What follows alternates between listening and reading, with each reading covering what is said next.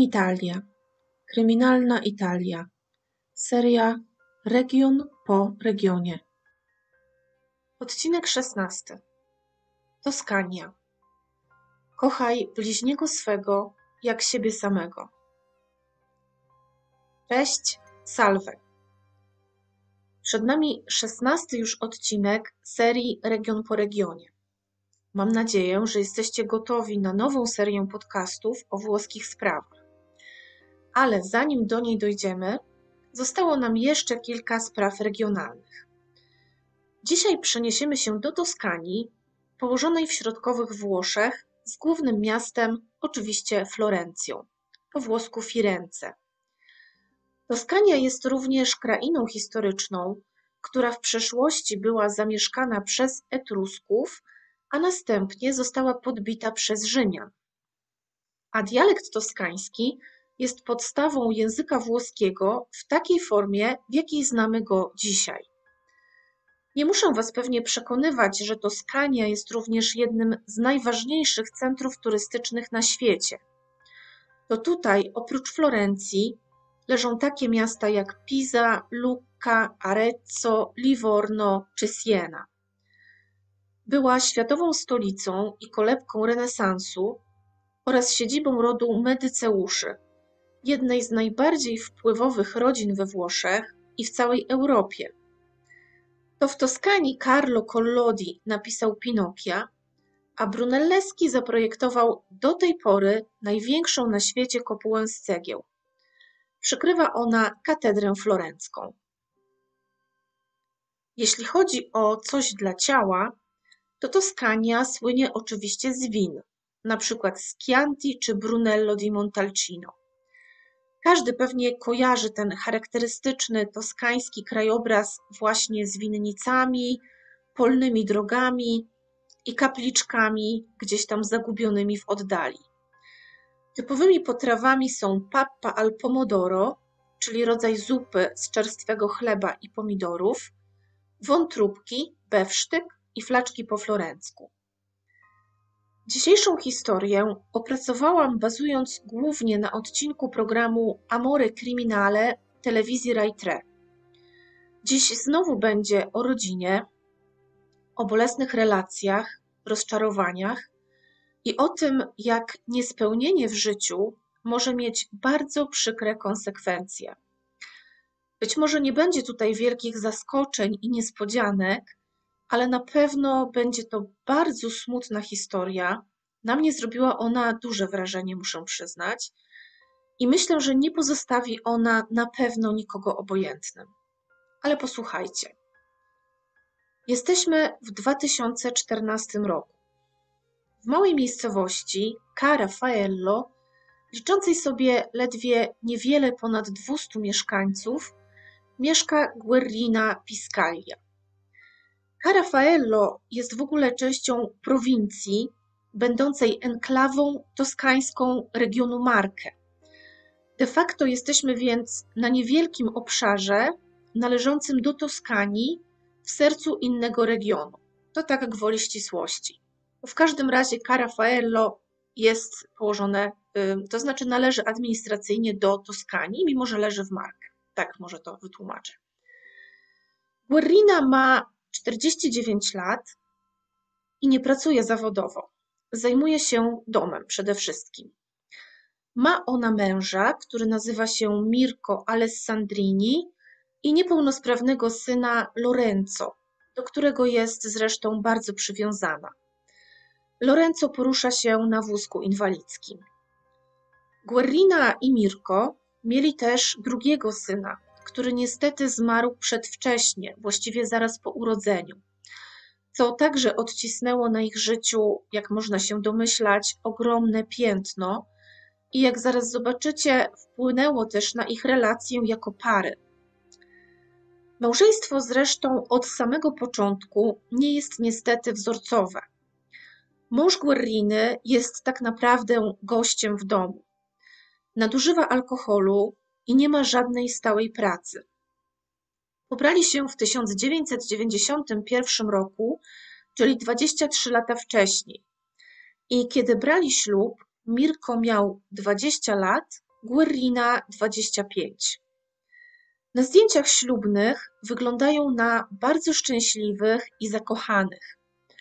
Suknia Guerriny przypomina taką typową kreację dla księżniczki, z dużymi bufkami na ramionach, różnymi ornamentami i draperiami. Bliscy mówią o kobiecie bardzo pozytywnie. Jest prostolinijną, cichą i skrytą osobą. I również w dniu swojego ślubu sprawia wrażenie takiej skromnej, nieśmiałej i zamkniętej w sobie dziewczyny. Teść Guerriny, a ojciec Mirko, wspomina, że nie umiała ona pokazywać radości. Nawet na swoim ślubie była taka właśnie melancholijna i skupiona, zamyślona. Na pierwszy rzut oka nie tryskała szczęściem, jak to zazwyczaj bywa z pannami młodymi, ale taki po prostu miała charakter. Małżeństwo Mirka i Guerriny, tak jak wspomniałam, od samego początku napotyka na wiele trudności, mimo tego, że jest to na pewno małżeństwo z miłości, a nie z rozsądku. Po śmierci syna i narodzinach dziecka z niepełnosprawnością, Mirko właśnie zaczyna bardzo dużo pić. Zaczyna właściwie już od rana, a kończy wieczorem. Zaniedbuje swoją rodzinę i, jak sam tłumaczy, pije po to, aby nie myśleć o problemach i o chorobie Lorenza. Guerrina przeżywa to wszystko wewnętrznie. Tak jak mówiłam, z natury jest introwertyczką, a w obliczu problemów i trudności zamyka się w sobie jeszcze bardziej. Bardzo mało mówi, właściwie nie rozmawia z mężem. Całym sercem poświęca się synowi.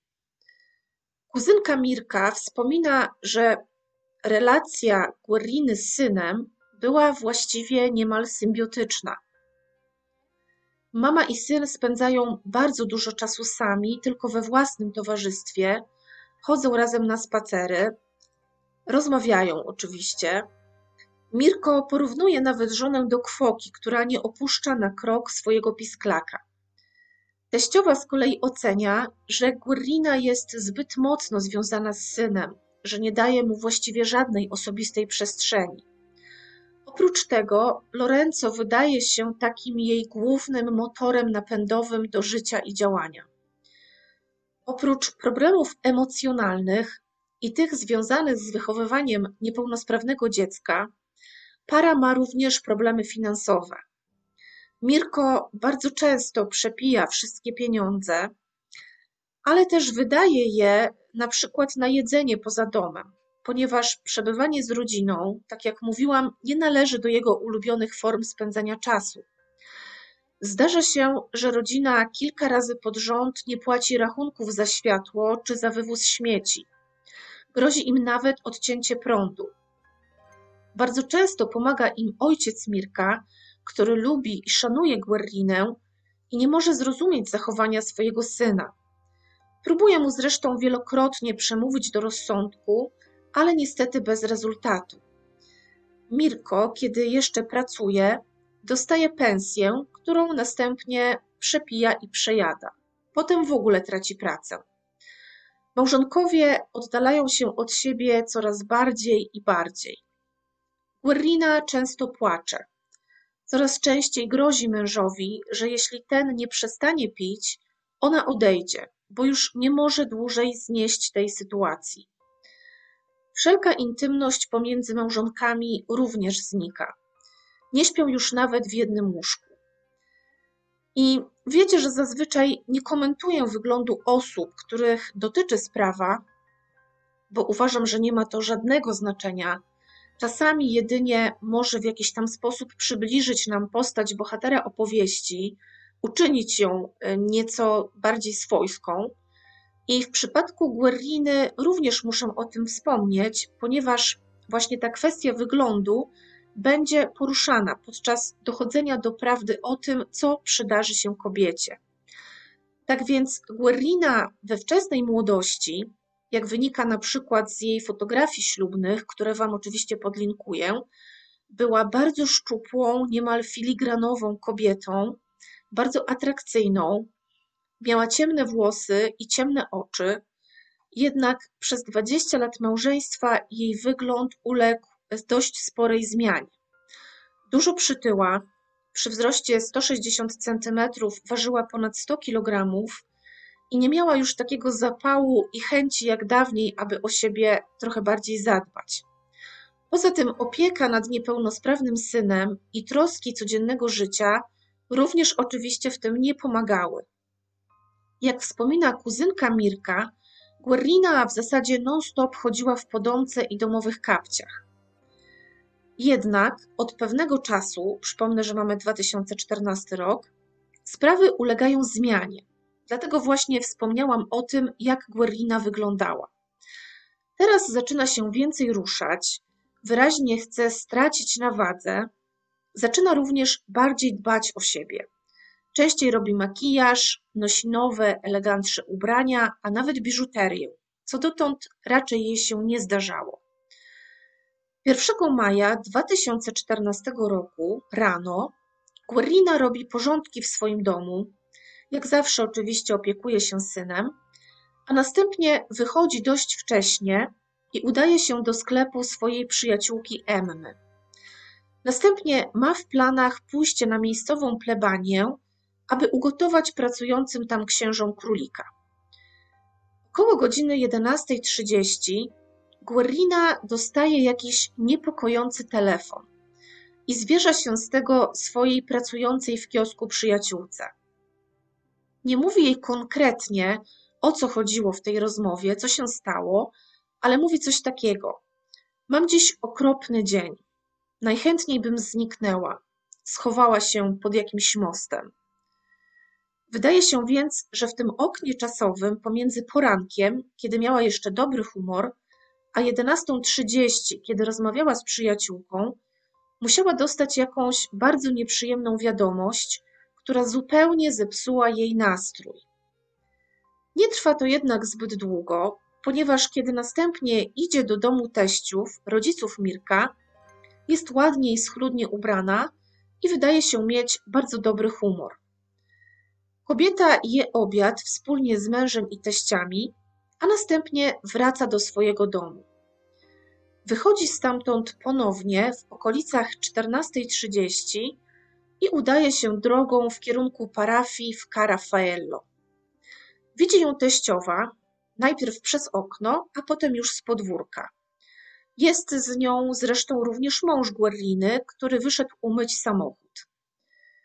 Guerlina bardzo często spaceruje trasą w kierunku parafii i z powrotem, ponieważ, tak jak wspomniałam, jest to dla niej sposób na utratę wagi. Również były listonosz spostrzega Guerlinę około 15, jak siedzi na murku pomiędzy główną drogą a ścieżką prowadzącą do kościoła w Carafaello. I jest to niestety ostatni raz, kiedy ktokolwiek widzi Guerlinę. Jeszcze tego samego dnia Mirko Alessandrini, mąż Guerliny, i jego ojciec szukają jej wszędzie w całej okolicy. Sprawdzają przydrożne rowy, lasy, wszystkie miejsca, które przychodzą im do głowy. Wreszcie Mirko zgłasza zaginięcie żony na posterunku policji. Wydaje się, że może chodzić o dobrowolne oddalenie się. Między innymi dlatego, że teściowa za jakiś czas otrzymała SMSy wysłane z telefonu Guerriny, w których pisze ona, że jest zmęczona swoim mężem i ogólnie swoim życiem, więc odchodzi, ale na pewno wróci po Lorenza, czyli swojego syna. Oprócz tego, Guerrina już wcześniej wielokrotnie wspominała mężowi, że nie może znieść jego picia i że wreszcie go zostawi.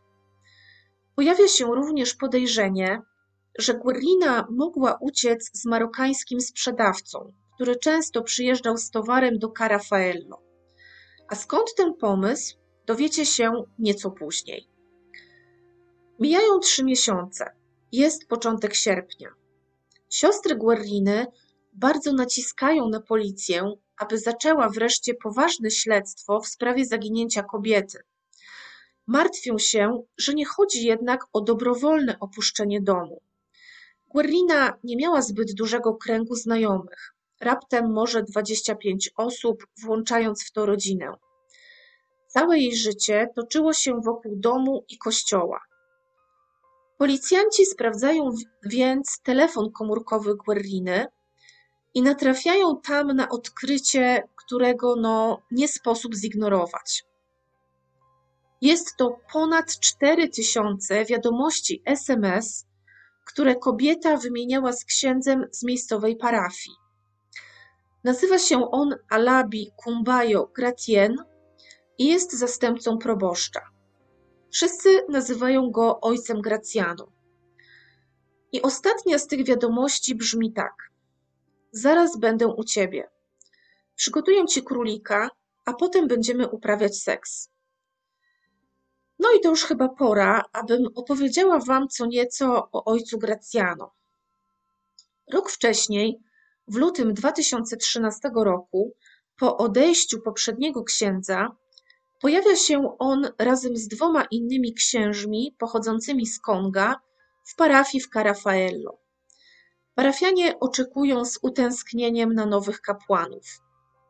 Wyobrażam sobie, że w tak małej społeczności, przypomnę, że jest to poniżej 300 osób, każda zmiana może być traktowana jak taki powiew świeżości i nowości, a przez to oczywiście interesująca. Oprócz tego parafia i sprawy związane z Kościołem są też pewnie dla większości z tych ludzi bardzo ważną częścią życia. No i ksiądz Gracjano od razu po przyjeździe podbija serca całej niewielkiej społeczności. Jego kazania są inne niż wszystkie, które słyszeli dotychczas. On sam zresztą jest inny niż wszyscy księża, jakich znali. Ma ogromną charyzmę i dar zjednywania sobie ludzi. Kiedy ojciec Gracjano odprawia mszę, kościół jest pełny po brzegi. I co od razu zwraca uwagę wiernych, to fakt, że wydaje się on doskonale orientować w relacjach damsko-męskich. I to nie tak, jakby obserwował je gdzieś tam z boku, ale wręcz przeciwnie, tak jakby sam w nich uczestniczył. Często też żartuje, ma ogromne poczucie humoru, śmieje się razem z wiernymi. Jest naprawdę wyjątkowym księdzem, jakich żaden z parafian z Carafaello nigdy w swoim życiu nie spotkał. Po mszy na przykład stara się podejść do każdego z ludzi z osobna, żeby uścisnąć rękę i chwilę porozmawiać, podziękować za obecność. To sprawia, że parafianie bardzo szybko zaczynają go traktować jak przyjaciela. Więcej nawet. Niektórzy komentują, że to sam Bóg przybył z nieba pod postacią księdza Gracjana do Carafaello. Dowodem na to jest dla nich na przykład to, że udaje mu się przyciągnąć do kościoła również te osoby, które już od dawna tam nie chodziły. Parafianie są tak oczarowani i zafascynowani ojcem Gracjanem i jego przyjaciółmi księżmi, że robią wszystko, co mogą, aby im jakoś pomóc, wesprzeć, ugościć czy okazać swoją wdzięczność. Księża są na przykład bardzo często zapraszani do ich domów na obiady czy kolacje. Niektóre kobiety zanoszą im również gotowe potrawy i owoce na plebanie. Traktują ich niemal jak synów, jak członków rodziny. Księża zaczynają też przychodzić regularnie do teściów Guerriny. Ojciec Gracjano jest opisywany jako człowiek bardzo kulturalny, dobrze wychowany, o nienagannych manierach. Każdy czuje się bardzo dobrze w jego towarzystwie. I również Guerrina daje się bardzo szybko oczarować urokiem nowego kapłana. Jest nim wręcz zafascynowana. Zaczyna mu się również zwierzać ze swoich problemów w małżeństwie.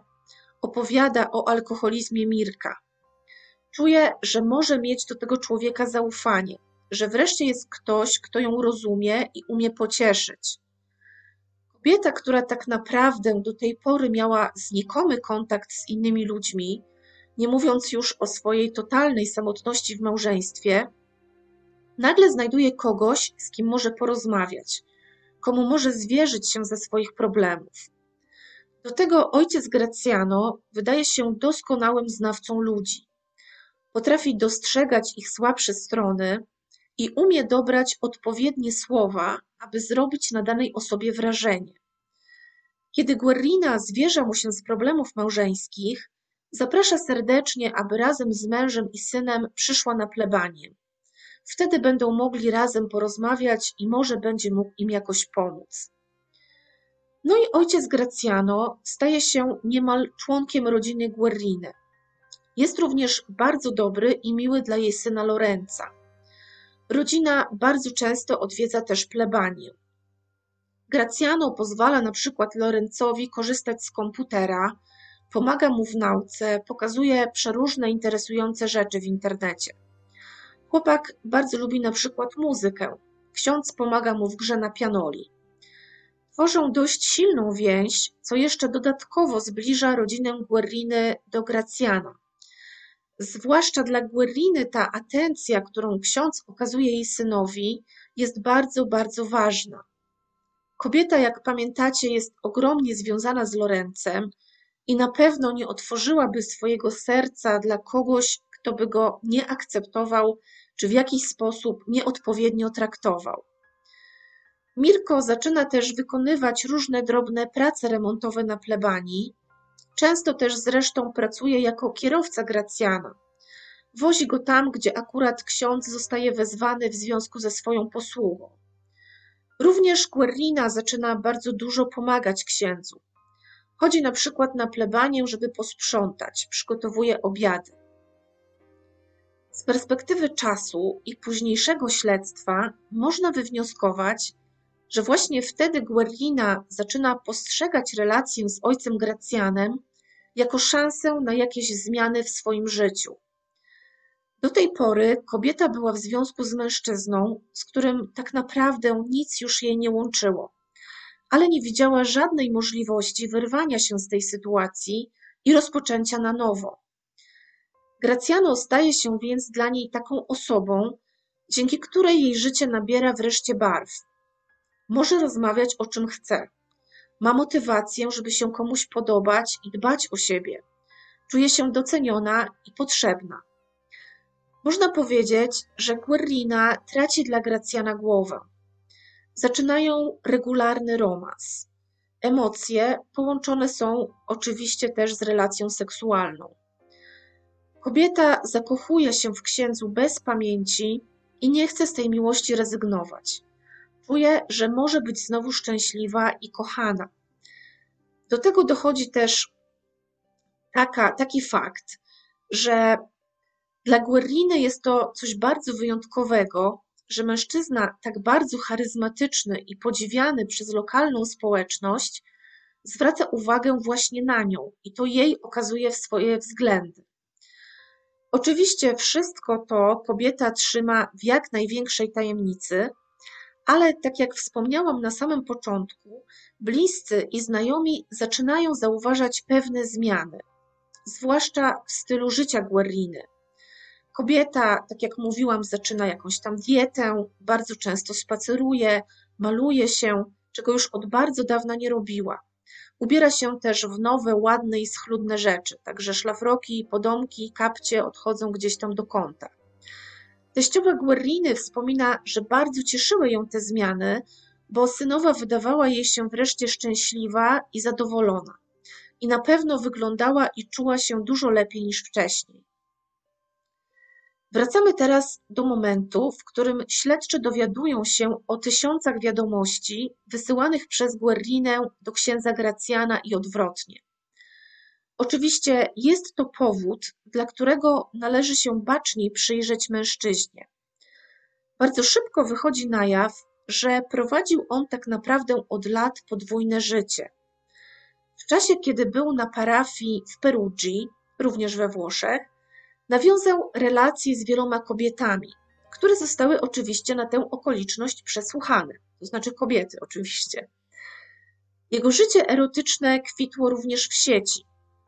W komputerze księdza znaleziono setki filmów pornograficznych oraz zapisane erotyczne czaty na Skype'ie, z których wynikało jasno, że poszukiwał on dość konkretnego typu kobiet, a mianowicie tych przebranych za zakonnice. I z tego, co mm, zrozumiałam w programie, to nie ustalono, czy mogło chodzić o prawdziwe siostry zakonne, czy raczej były to po prostu takie zwykłe przebieranki. Taka gra erotyczna. SMS-ów Guerriny do księdza Gracjana rysuje się obraz kobiety nastawionej na jeden cel. Życie z obiektem swojej miłości i oczywiście z synem. Zaczyna ona naciskać coraz mocniej na księdza, aby ten zrzucił sotannę i związał się z nią oficjalnie i na poważnie. Jest gotowa rzucić dla niego swojego męża i zmienić tak naprawdę całe swoje życie. Namawia go, aby wyjechali razem z Lorencem gdzieś bardzo daleko od Carafaello, tam gdzie nikt ich nie zna. I tam będą właśnie mogli bez żadnych przeszkód i trudności rozpocząć nowe, wspólne życie. Podczas jednego ze spotkań Guerlina zwierza się nawet swojemu ukochanemu z tego, że chce mieć z nim dziecko. No i Graciano zaczyna być tym wszystkim nieco zirytowany. Tłumaczy Guerlinie, że jest księdzem, nie może rzucić sobie kościoła od tak, poza tym nie chce tego zrobić. Grozi jej nawet, że jeśli dalej będzie o tym mówić i na niego naciskać, będą musieli całkowicie zakończyć swój romans.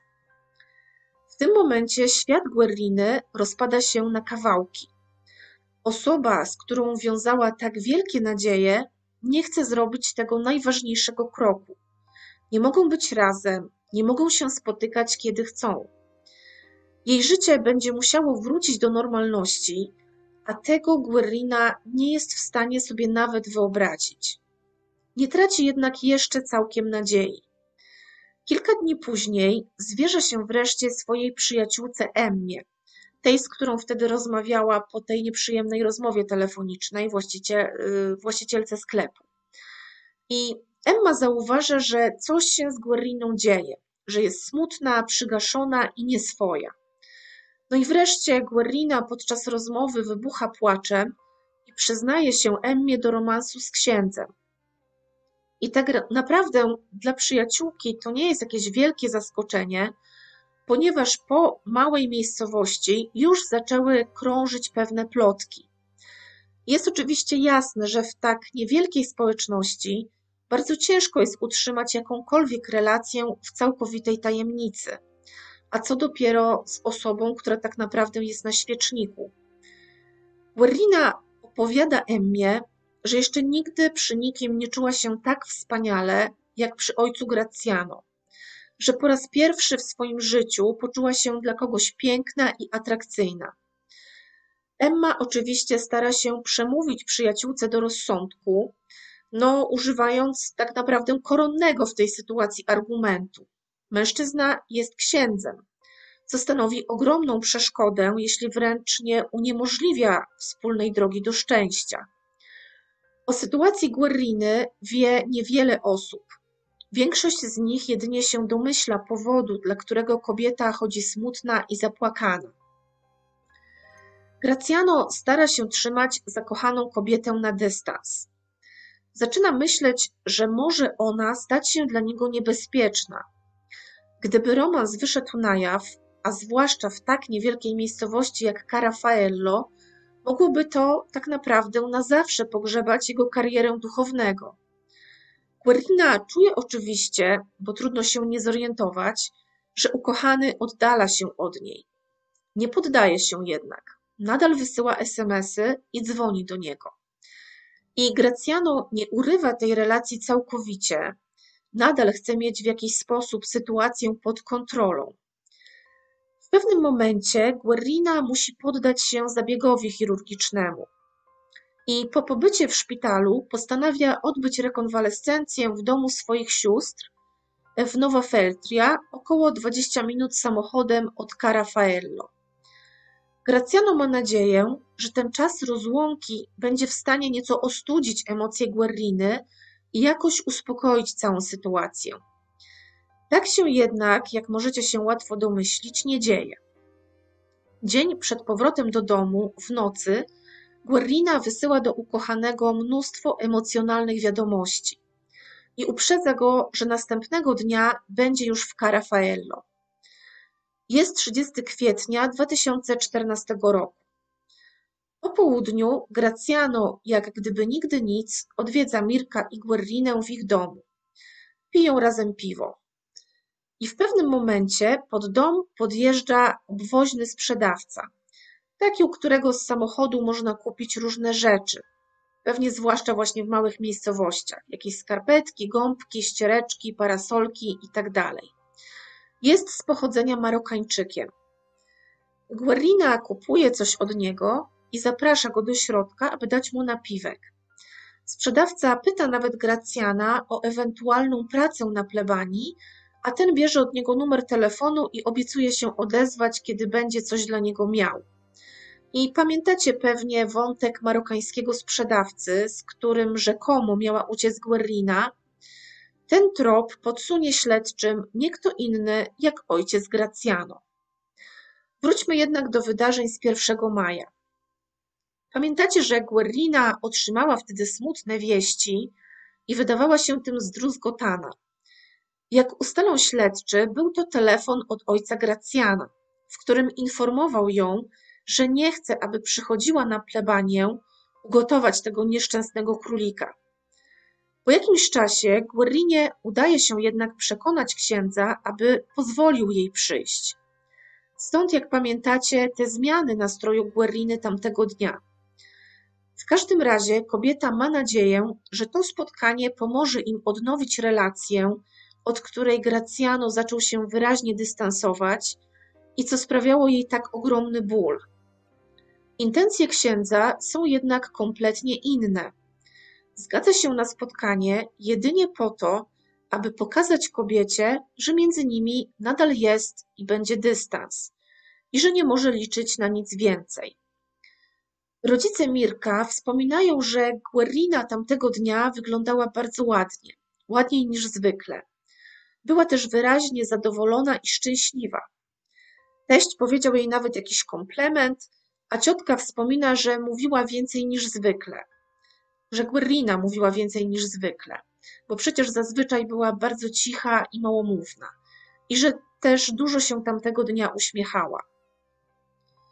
Guerrina opuszcza towarzystwo, wraca na chwilę do swojego domu, a potem udaje się na plebanię.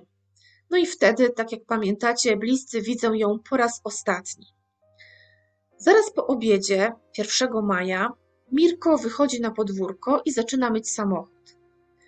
Ma zawieźć ojca Gracjana do sąsiedniej miejscowości, w której będzie odprawiana msza pogrzebowa. Kiedy na podwórku zjawia się Guerrina, Mirko proponuje jej nawet, aby pojechała razem z nimi, to znaczy z nim i z księdzem Gracjanem, ale ta odmawia, mówiąc, że woli sobie zrobić spacer. I mąż wspomina, że była bardzo ładnie ubrana, w uszach miała nawet kolczyki. Ostatnie słowa, jakie usłyszał od swojej żony, brzmiały tak: Uważaj, żebyś się nie zamoczył. Przypominam, że wtedy mył samochód. W tym czasie z domu wychodzi też teściowa i razem z Mirkiem odprowadzają Guerrinę wzrokiem. Kobieta jeszcze przed wejściem na plebanię wysyła do ojca Gracjana SMS-a. Właśnie tego o króliku i seksie, którego treść wam już przytaczałam. Ale nie powiedziałam wam jeszcze, jaką odpowiedź dostała od księdza. Brzmiała ona: Drzwi plebanii są zawsze otwarte. Sprytnie, prawda? Choć dystans, ale z drugiej strony przecież ją zaprasza tak jak każdego. To spotkanie dla Guerriny ma być takim spotkaniem rozstrzygającym. Nie może się już doczekać, aż zobaczy człowieka, w którym jest tak bardzo zakochana. Jest rozemocjonowana, mówi mu, że nie jest w stanie być daleko od niego, że nie może bez niego żyć. Gracjano próbuje ją przekonać, że powinna naprawić stosunki z mężem, że na pewno wszystko się ułoży w ich małżeństwie. Zaczyna protestować dość ostro, kiedy Guerrina zapewnia, że chce być tylko blisko niego i że nie może już po prostu być ze swoim mężem. Po raz kolejny używa argumentu, że przecież jest księdzem i nie mogą być razem. Guerrina próbuje wtedy wszystkiego, aby go przekonać. Zmyśla nawet, że jest w ciąży. Gracjano nie chce w to uwierzyć. Mówi Guerrinie, że dostał od biskupa przydział na inną parafię i że wkrótce opuszcza Carafaello. Kobieta wpada dosłownie w szał. Nie chce wierzyć w to, że ukochany jest w stanie zaakceptować tę zmianę i zostawić ją tak po prostu samą sobie. Grozi mu wtedy, że powie o ich romansie wszystkim w miejscowości, powie o wszystkim w kurii. W tym momencie, jak ustalą śledczy, Graziano zaciska ręce na jej szyi. Groźby Guerriny oznaczają dla niego praktycznie koniec wszystkiego. Z osoby, która jest powszechnie poważana i szanowana, ma ugruntowaną pozycję, miałby stać się kimś godnym potępienia, wykluczonym ze społeczności. Nie jest w stanie sobie nawet wyobrazić czegoś takiego, a nie ma żadnej alternatywy, żadnego innego planu na życie. Dlatego jedynym sposobem, jaki widzi, aby zapobiec katastrofie, jest po prostu uciszenie Guerriny. To był motyw, jak stwierdzą później śledczy, dla którego kobieta straciła życie. Zaraz po zabójstwie Gracjano postanawia na pewien czas ukryć ciało na terenie plebanii. W tym czasie na dole, na podwórku, czeka już na niego Mirko, który ma go zawieźć tym umytym samochodem do pobliskiej miejscowości na mszę pogrzebową. Jest oczywiście kompletnie nieświadomy tego, że przed chwilą jego żona została pozbawiona tu życia. Już w tym momencie Gracjano zaczyna mylić tropy, aby odsunąć od siebie wszelkie podejrzenia. W samochodzie zaczyna sugerować Mirkowi, że marokański sprzedawca i Guerrina mieli się ku sobie i że było to widać na pierwszy rzut oka. Insynuuje, że być może pewnego dnia uciekną razem. Gracjano ma świadomość, że wszyscy bardzo szybko zorientują się, że Guerrina zniknęła. Dlatego chce zrobić wszystko, aby żaden cień podejrzenia nie padł na niego. Wie też, że istnieje bardzo duża szansa, że Mirko mu uwierzy, ponieważ jest osobą szanowaną, uchodzi za człowieka godnego zaufania, prawdomównego, no i oczywiście jest księdzem. Mszę pogrzebową odprawia bardzo szybko i równie szybko opuszcza kościół. Nie zamienia ani jednego słowa z bliskimi zmarłego, tak naprawdę nawet się z nimi nie żegna, co jest do niego, jak wiecie, bardzo niepodobne. I budując swój wizerunek idealnego kapłana, będącego zawsze blisko wiernych, przykładał dużą wagę do tego, aby zawsze po mszy zamienić z każdym choć kilka słów czy podać rękę na pożegnanie. Żałobnicy są więc niezwykle zaskoczeni tym niespodziewanym chłodem zawsze tak bardzo przystępnego i ciepłego księdza Gracjana. Po mszy Mirko dzwoni do swojej mamy i informuje ją, że wieczór spędzi w towarzystwie Gracjana i nie może przyjść do rodziców na kolację. Razem z księdzem mają iść na piwo i na pewno też coś przy okazji zjedzą. Mama odpowiada mu, żeby w takim razie poprosił Guerrinę, aby przyszła do nich na kolację, żeby po prostu nie siedziała sama w domu. Swoją drogą, relacje pomiędzy Guerriną a teściami wydają mi się naprawdę bardzo ciepłe i serdeczne. Nie wiem, czy macie już też podobne wrażenie. I mniej więcej od tego momentu brak jakiegokolwiek kontaktu z Guerriną zaczyna być dla rodziny niepokojący. Kobieta nie odbiera telefonów od teściowej, nie ma jej ani w domu, ani u żadnej ze znajomych, z którymi najczęściej się spotykała. I tak jak zresztą przewidział ojciec Gracjano, wieść o zniknięciu Guerriny rozchodzi się w przeciągu zaledwie kilku godzin po całym Carafaello. Rodzina i znajomi gromadzą się pod domem teściów Guerriny, przyjeżdżają również karabinierzy.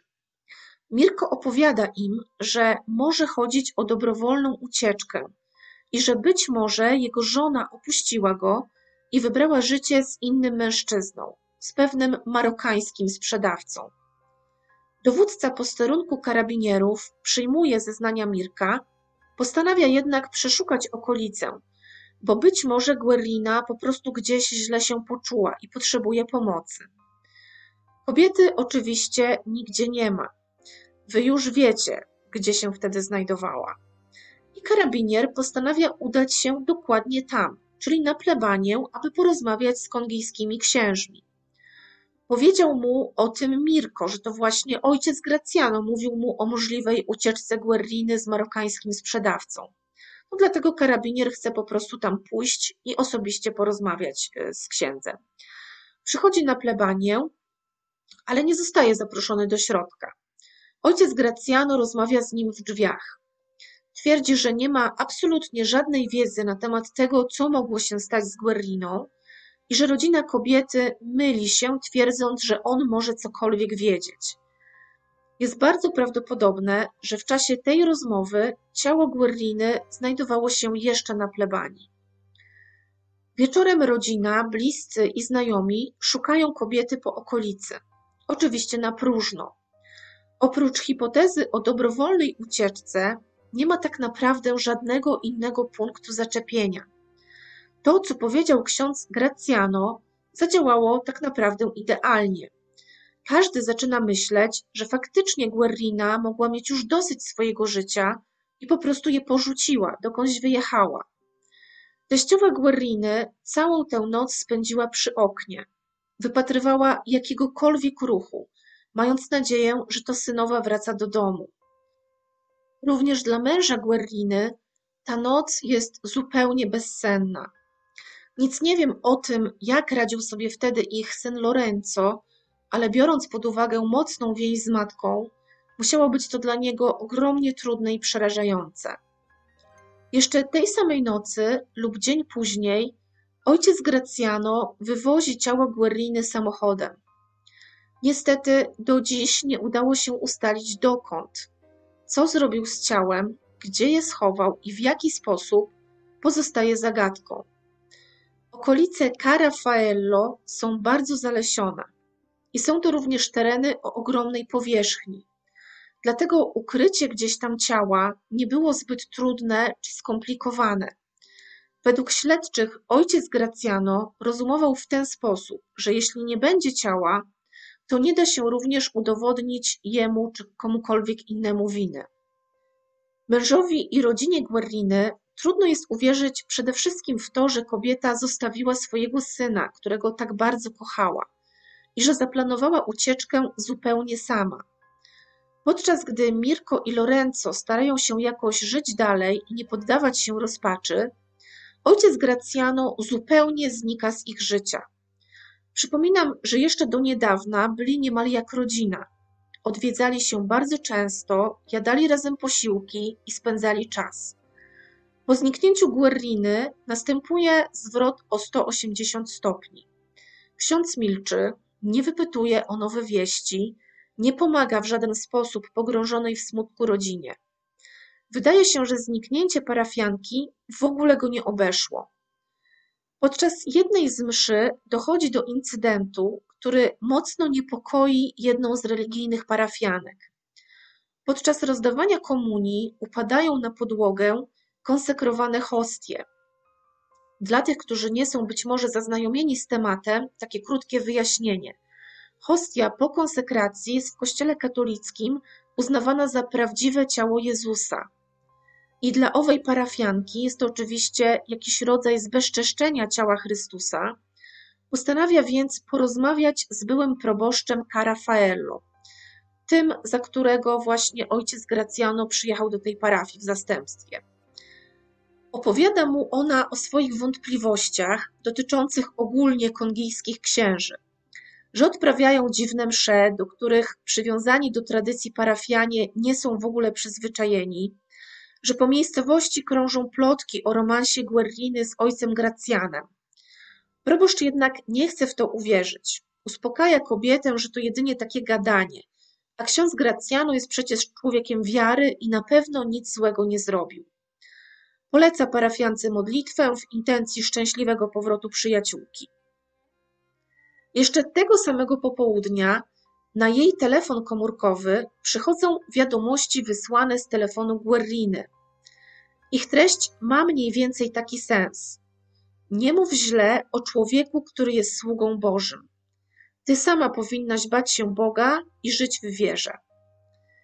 Zarówno kobieta, jak i karabinierzy, którym pokazuje ona te SMS-y, zauważają, że są one pisane z błędami. i wskazują na kogoś, dla kogo język włoski na pewno nie jest pierwszym językiem. Tak jak wspomniałam Wam już wcześniej, również teściowa Guerriny otrzymuje wiadomość wysłaną z jej telefonu.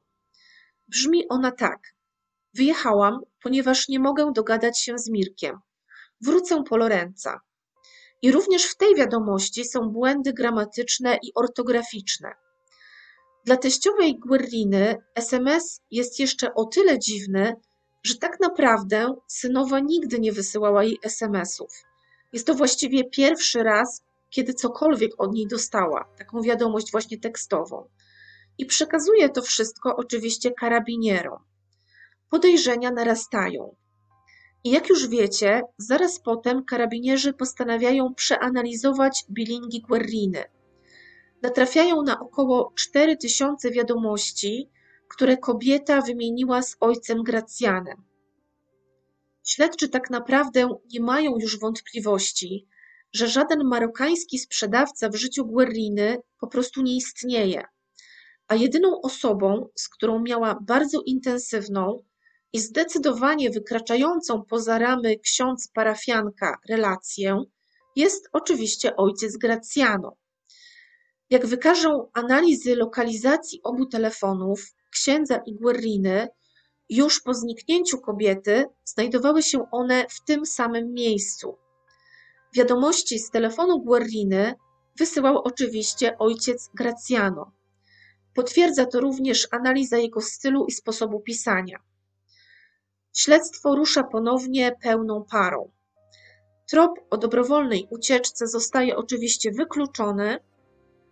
Karabinierzy prowadzą przesłuchania w kierunku możliwego zabójstwa a jedyną osobą podejrzaną staje się Alabi Gracien, czyli ksiądz Graciano, jak go nazywali Włosi.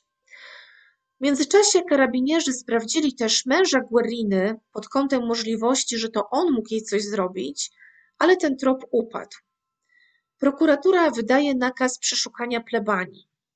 Tego dnia sam zainteresowany nie jest tam obecny. Technicy przeszukują milimetr po milimetrze każdy pokój. Zabierają do analizy pokrowiec na kanapę, na którym zostaną odnalezione różne ślady biologiczne, w tym ślady spermy, jak się okaże, należącej do ojca Gracjana. I w tym samym czasie druga grupa śledczych przeszukuje lasy przylegające do Carafaello w poszukiwaniu, no niestety, ciała Guerriny. Raczej nie ma już bowiem wątpliwości, że szanse na odnalezienie kobiety żywej są nikłe. Ukształtowanie terenu nie ułatwia niestety poszukiwań.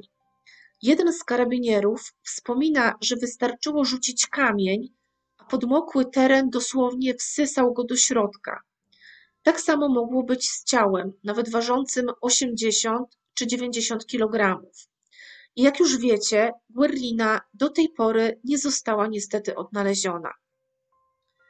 Prokuratura wzywa wreszcie ojca Gracjana na przesłuchanie. Ksiądz zeznaje, że Guerrina go prześladowała. Wysyłała mu mnóstwo wiadomości, ciągle do niego dzwoniła. Zapytany, dlaczego nie przerwał tej relacji i dalej odpowiadał na SMS-y i odbierał telefony, wyznaje przypadkowo, że Guerrina twierdziła, że jest w ciąży. Chciał się więc dowiedzieć, kto jest ojcem jej dziecka, czy na pewno on. Oprócz tego Gracjano wiele razy zaprzecza sam sobie i plącze się w zeznaniach. Karabinierzy wspominają, że do końca wierzyli w to, że Gracjano jako człowiek kościoła i osoba duchowna wykaże może jakąś skruchę, pokaże choć trochę ludzkich uczuć i na przykład zdradzi, gdzie ukrył ciało Guerriny. Nic takiego jednak nie nastąpiło.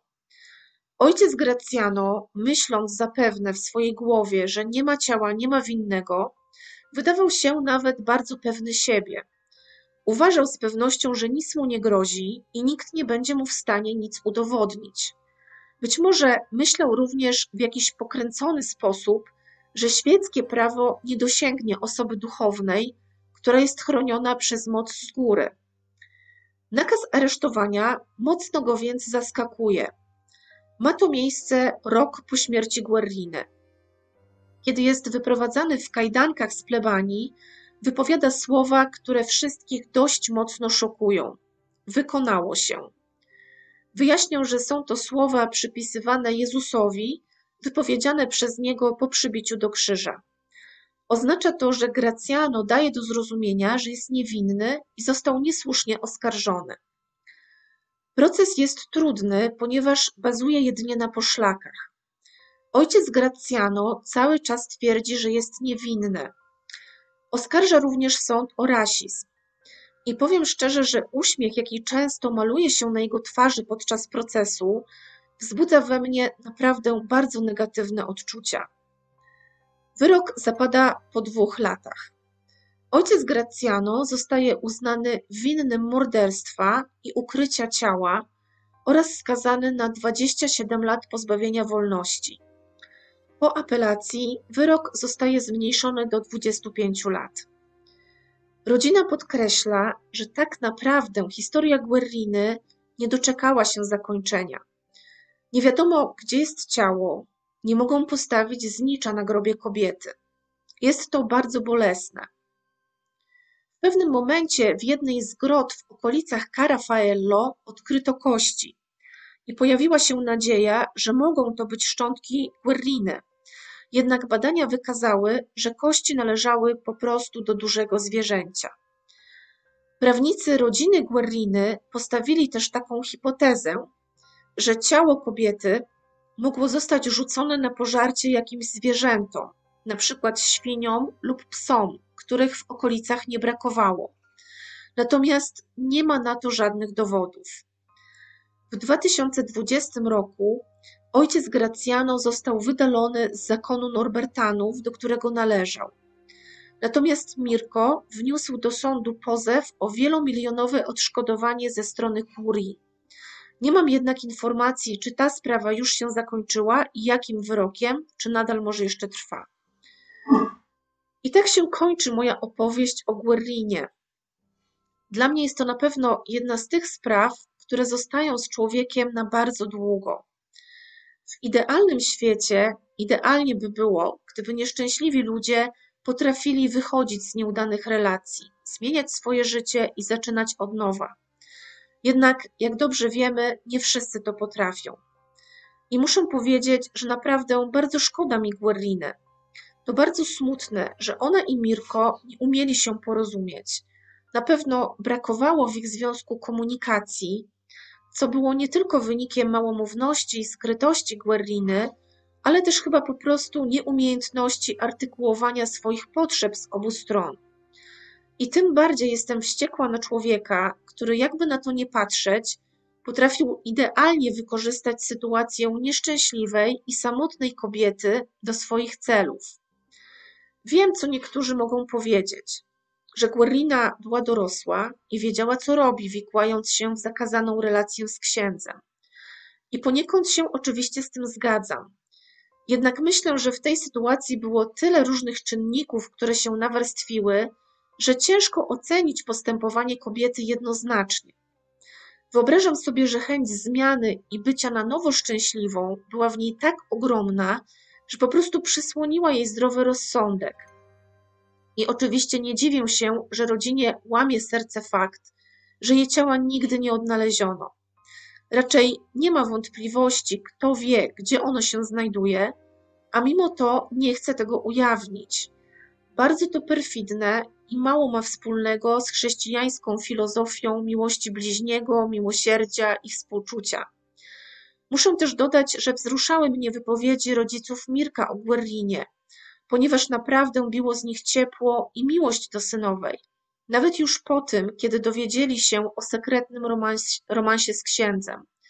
Również Mirko w tym programie, na podstawie którego opracowywałam odcinek, bardzo jest bardzo szczery w tym, co mówi. To znaczy, przyznaje się całkowicie do tego, że nie był dobrym mężem, że zaniedbywał rodzinę, zaniedbywał Guerrinę i mówi o tym otwarcie, że bardzo dużo pił, że przepijał wszystkie pieniądze, że jego ojciec bardzo często musiał im pomagać i że na pewno było to dla Guerriny ogromnym, ogromnym ciężarem. Dajcie mi znać, co wy myślicie o tej sprawie. A na dzisiaj już dziękuję Wam za słuchanie i za tydzień opowiem Wam historię z regionu o nazwie Trydent Górna Adyga.